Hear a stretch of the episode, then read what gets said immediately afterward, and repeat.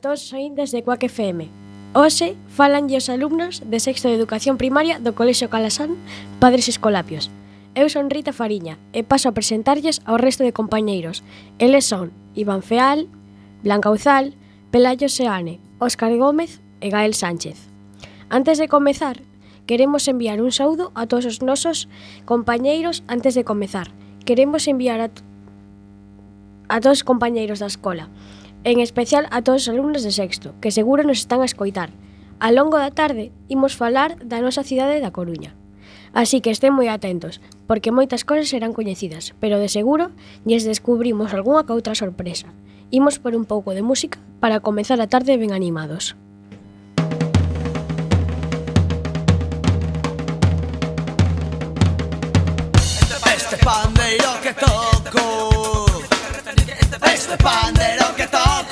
moito toca repenique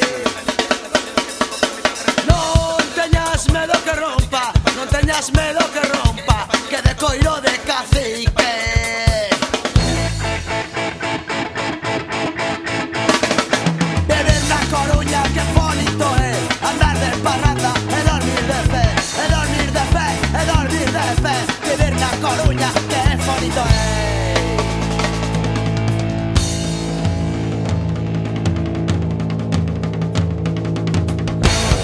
se emborracha un rico. Cuando se emborracha un rico, qué gracioso están, señores.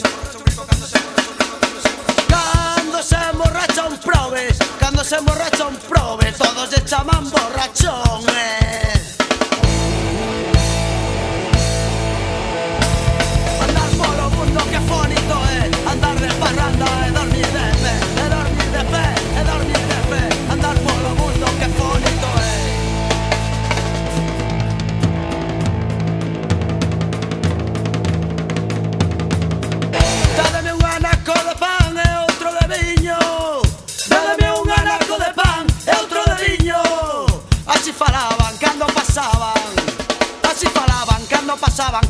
Irmandeños.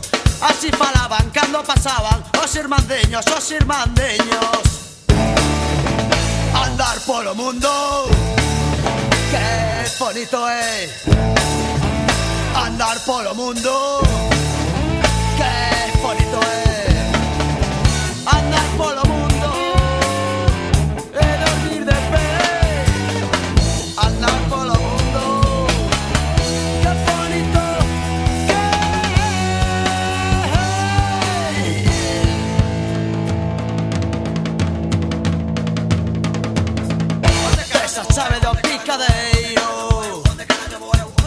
Chávez dos pícadas, he ido tres a dos pícadas.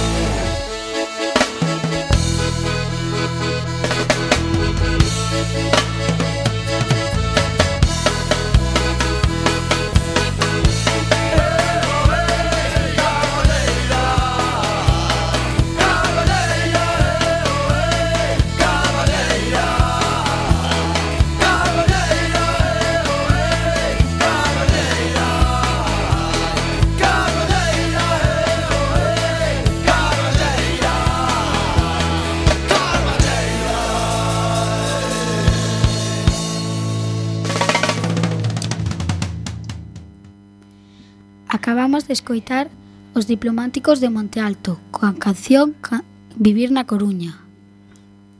Pois imos co tema que nos reúne hoxe aquí, a cidade da Coruña, a nosa cidade. Todos estamos cansos de percorrer as súas rúas, de ver os seus monumentos e edificios máis emblemáticos. Pero hoxe percorremos a cidade e a súa historia a través das ondas. Pois poderíamos empezar pola súa historia, pola fundación de, da cidade. Parecevos Moi boa idea, Iván. Que sabemos sobre a fundación da nosa cidade? Blanca, ti podes contarnos algo? Sí, empezamos con este percorrido.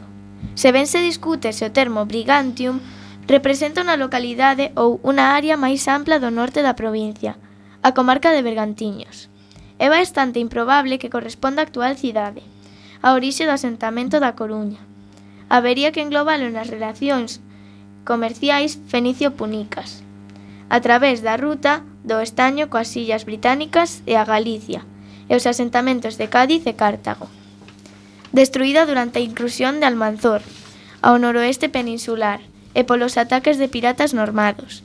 A súa poboación trasládase a un lugar máis protexido, terra adentro, instalándose na ría do Burgo, hoxe no Concello de Culleredo.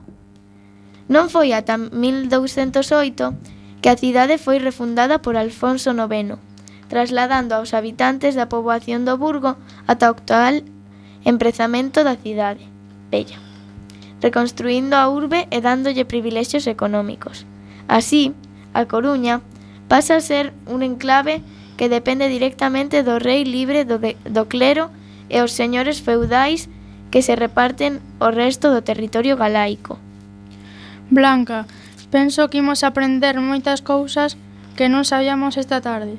Décadas máis tarde, o seu sucesor, Alfonso X, concede á villa a exclusividade de desembarcar e vender o sal sen pagar impostos, e isto supón unha grande prosperidade económica. Durante o reinado de Enrique III, nos últimos anos do século XIV, podemos ver eh, construense as murallas que protexían o recinto da cidade bella. Hoxe podemos ver algúns restos desta muralla, así como as tres portas que que abrían a cidade ao mar ao longo do paseo do Parrote, fronte á baía.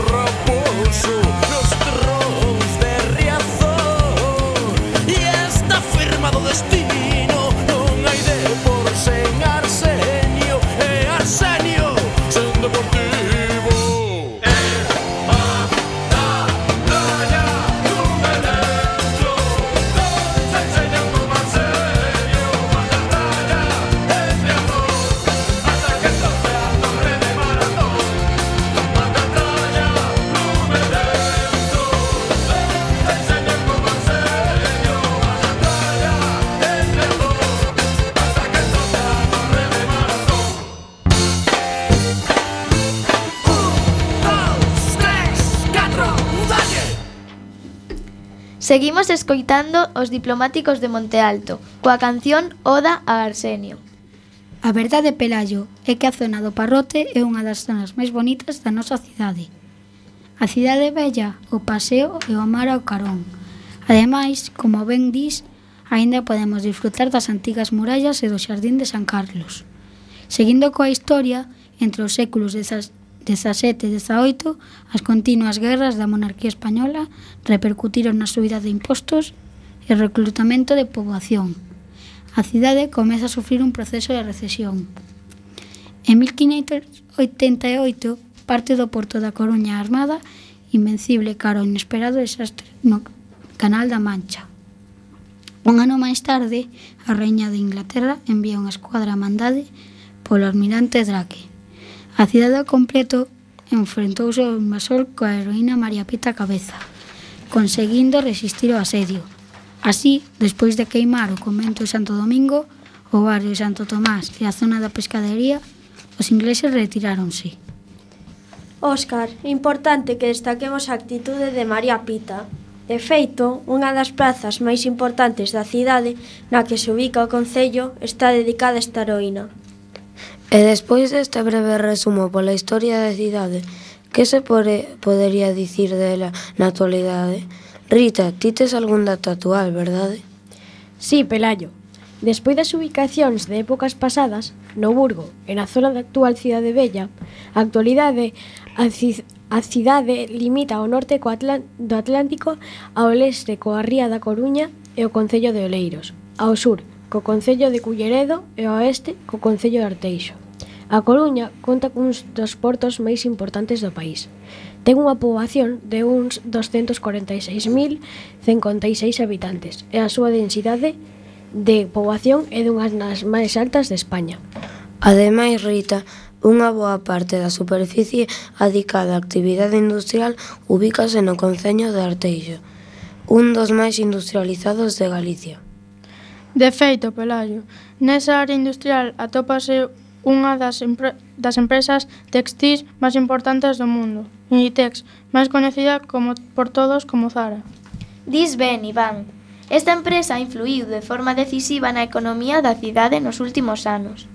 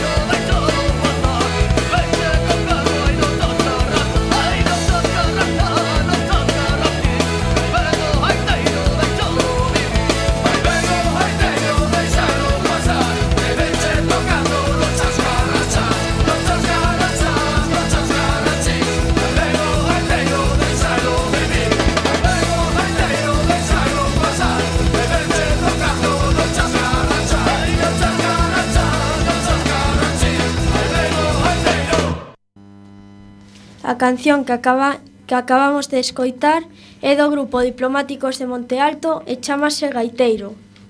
E agora que estamos ubicados nesta fermosa cidade, que vos parece se si damos unha volta polas súas rúas, prazas e monumentos máis importantes?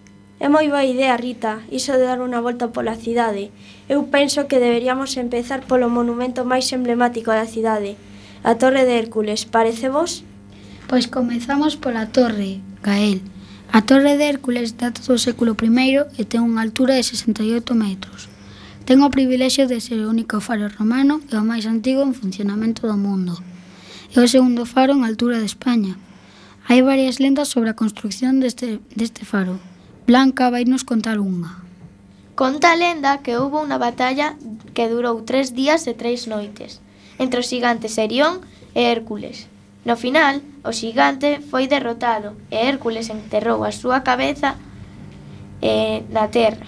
Alí mandou que os habitantes construíran unha cidade en riba dos restos mortais. Esta lenda é moi popular. De feito, a torre en riba da cabeira é parte da bandeira da Coruña. Moi popular a túa lenda, Blanca, pero eu podo vos contar outra.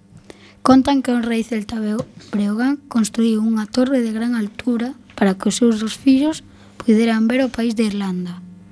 De feito, conto vos se non o sabedes que hai unha estatua do rei Breogán ao pé da torre. Moi interesantes as vosas lendas, Óscar, pero é a, a realidade é que a, é que a Torre de Hércules foi construída polos romanos como faro de navegación no século II despois de Cristo. Na súa base atopouse unha pedra cunha inscripción en latín que permitiu identificar ao arquitecto e autor da mesma Servio Lupo, originario do veciño Portugal.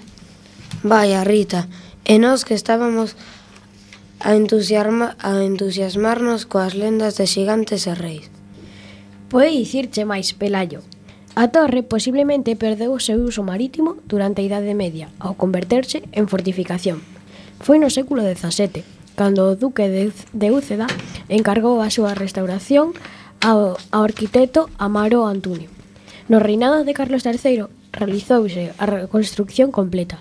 A obra, a obra neoclásica rematou en 1791. O certo é que a Torre de Hércules é un dos lugares máis destacados da nosa cidade. Dá gusto vela ao atardecer, alumen, alumeando ense, enseñada por, orza, por Orzán. A praia de Riazor mirando cara ao inmenso Atlántico. De feito, o 27 de xuño de 2009 foi declarada Patrimonio da Humanidade pola UNESCO. Pois xusto en fronte á Torre de Hércules, ao outro lado da praia de Riazor, no Paseo de Labañou, podemos ver o recente monumento obelisco Millennium. Ten unha altura de 50 metros e construíuse para conmemorar o inicio do século XXI. Conta con 178 cristais de roca tratada. Nos 13 primeiros metros do monolito, contase a historia en imaxes dos principais acontecementos e personaxes da bella marineda. Hai quen di, Óscar, que a torre do, que a torre simboliza a antigüedade e o milenium a modernidade da cidade. E mentres pensades nesta posibilidade e traedes a vosa memoria o faro, poñeos vos un pouco de boa música. Chispam pum para barabá, ferro! ano 37, guerra civil. Alexeando na cisterra invento.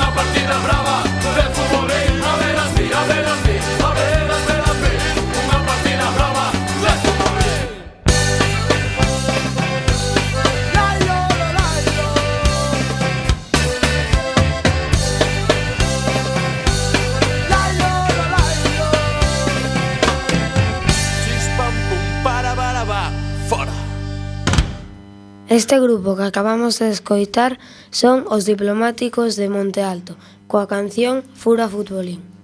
Pois podemos seguir percorrendo a cidade, compañeiros. Eu recomendaría unha volta polo paseo marítimo.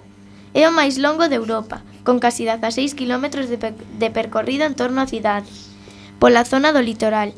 No seu percorrido poderemos atopar amplas praias como Orzán e Riazor, altos cantís, pequenas e calas, verdes prados e tamén importantes museos da cidade. Esa é moi boa idea, Blanca. Ademais, ese paseo pódese facer en bici ou a pé. Eh, en bici para os amantes do ciclismo. Xa que estades a falar do paseo marítimo, podemos atoparnos tamén con un castelo importante na cidade, o Castelo de San Antón. Este castelo atópase na, na zona portuaria, foi construído no que era un pequeno illote no medio da baía coruñesa, no que se atopaba unha pequena ermida adicada a San Antón. O seu propósito era defender a cidade de ataques polo mar.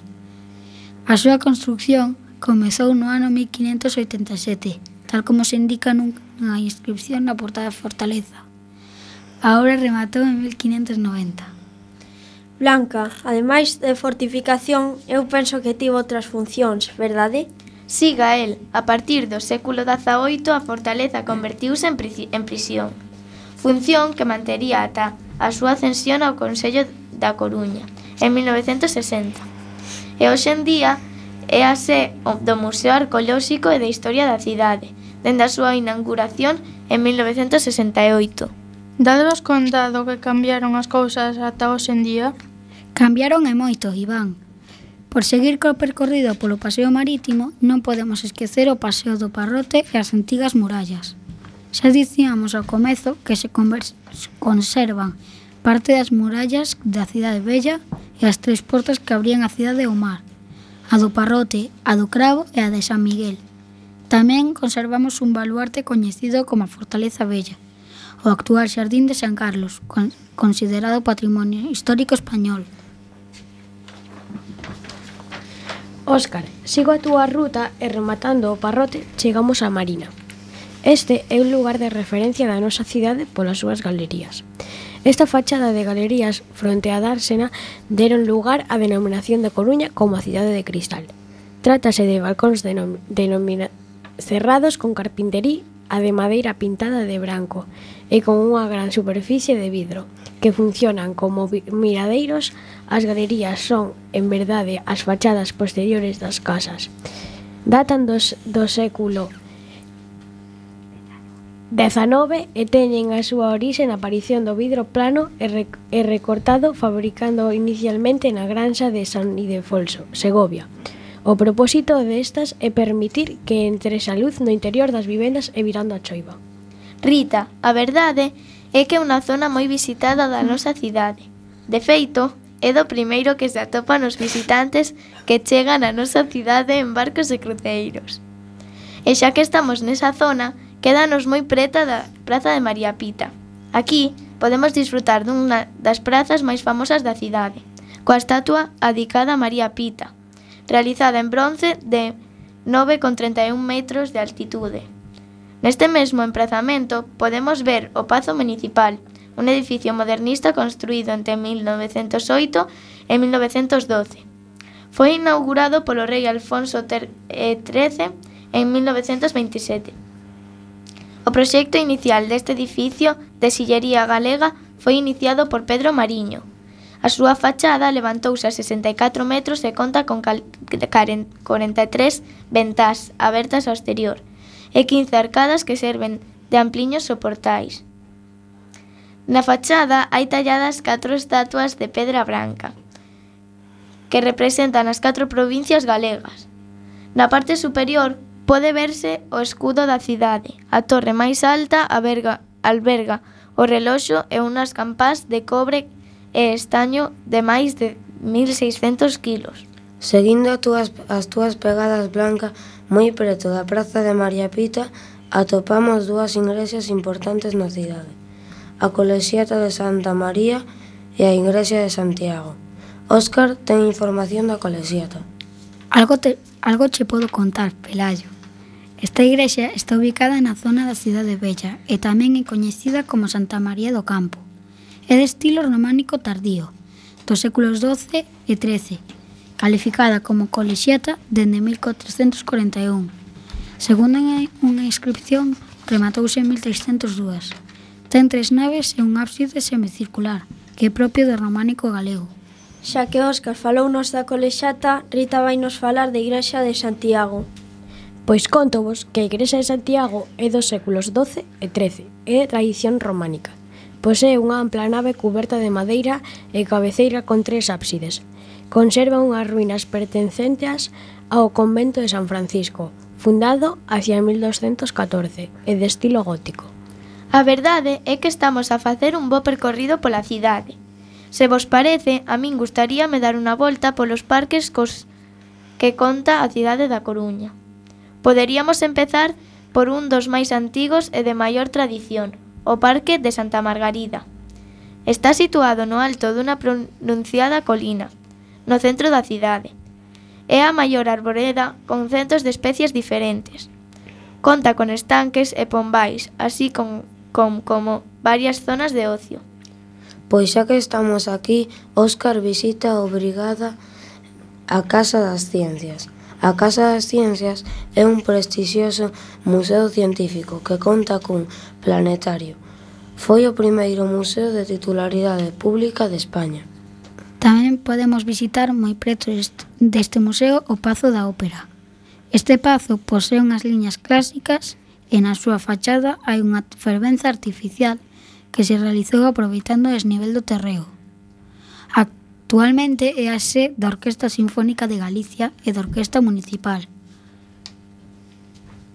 Xa que andades a recomendar museos, a mí o que máis me gusta é a Casa dos Peixes, o Aquarium Finisterrae, Acuario do Fin do Mundo. É un centro interactivo de divulgación científica sobre aspectos relacionados coa bioloxía marina. A oceanografía e o mar en xeral, Pretende promover o coñecemento do océano e educar actitudes positivas de cariño hacia o medio marino, así como contribuir ao coñecemento científico da vida marina. Foi inaugurado en xuño de 1999 e as súas piscinas exteriores están conectadas co Océano Atlántico, É un dos lugares máis visitados da nosa cidade polos escolares, xa que os máis pequenos disfrutan moito das diferentes especies de peixes, en especial na sala de Nautilus e do seu tiburón Touromach Gastón. Rita, sí, a Casa dos Peixes é visita obrigada para os escolares.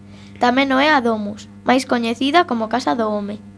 É un museo cultural de carácter científico, É o primeiro museo interactivo que trata dunha forma global e monográfica ao ser humano. Foi inaugurado en 1995.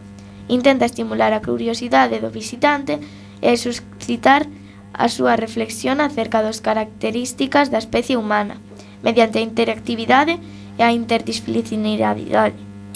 O edificio é a obra do arquitecto xaponés Arata Isozaki e conta con muros, paredes de e escalina de granito. A fachada que mira ao paseo marítimo curvase como a vela dun barco ao vento. Blanca, rematando coa ruta polos museos non podemos esquecernos do máis moderno. O MUNSIT, o Museo, o Museo Nacional de Ciencia e Tecnoloxía, inaugurado ano pasado. Moitos dos museos que acabamos de citar visitámolos coa escola. Lembrades esas visitas? Veño todos a remexer na memoria mentre escoitamos música. Música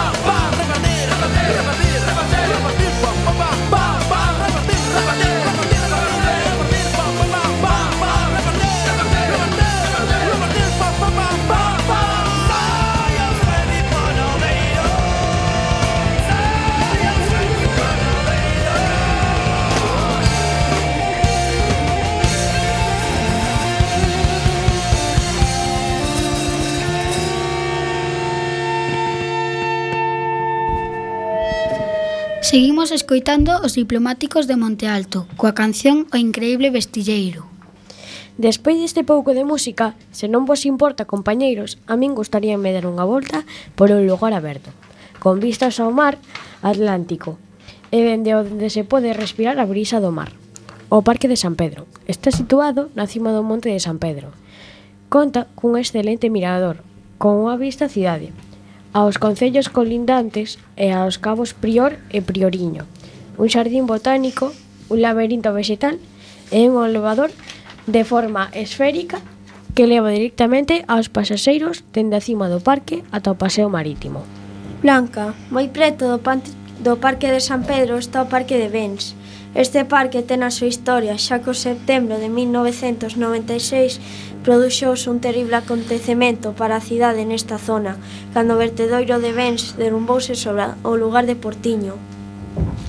Segue contándonos, Blanca, fíxate que nós aínda non, nace, non naceramos. Foi unha catástrofe, Pelayo. O vertedoiro derrumbouse e cubriu o dique e varias edificacións da zona cunha avalancha de dous centos mil metros cúbicos de terra e lixo que incluso provocou unha víctima mortal e arrastrou vehículos e decenas de embarcacións do Portiño. O incidente provocou un gran malestar nos veciños ata que se sellou a zona e restaurouse coa construcción do parque.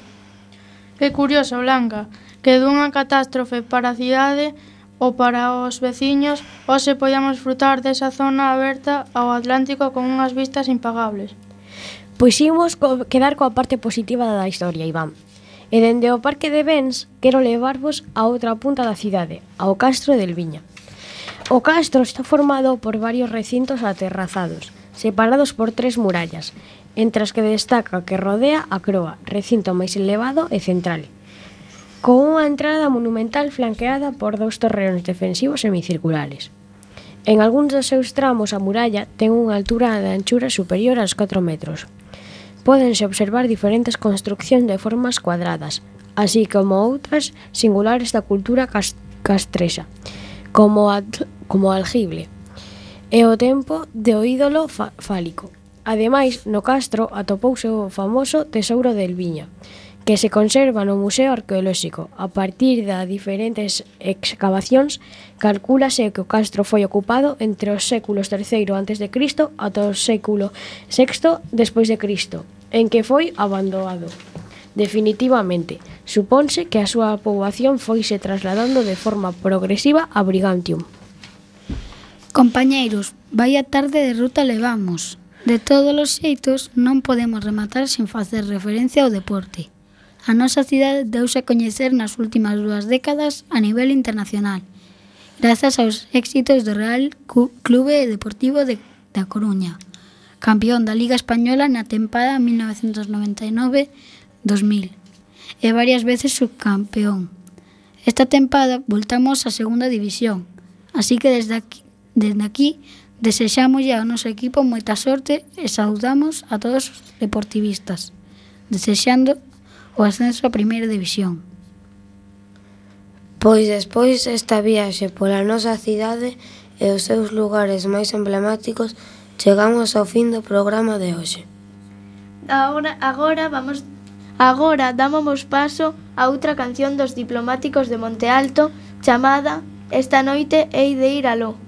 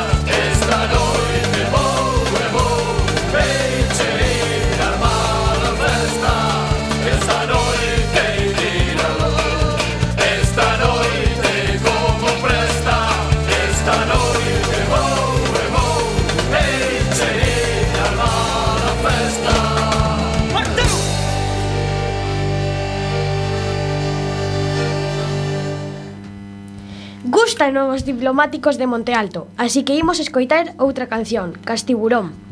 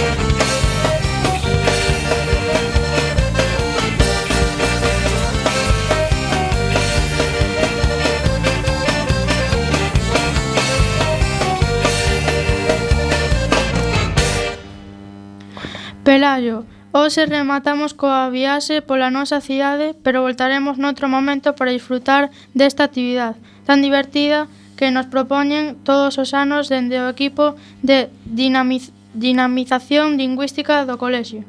Iso é moi boa idea, Iván. Foi un placer estar aquí con vos. Non vos parece? Despedimos con aperta a todos e esperamos voltar prontos por estes micrófonos.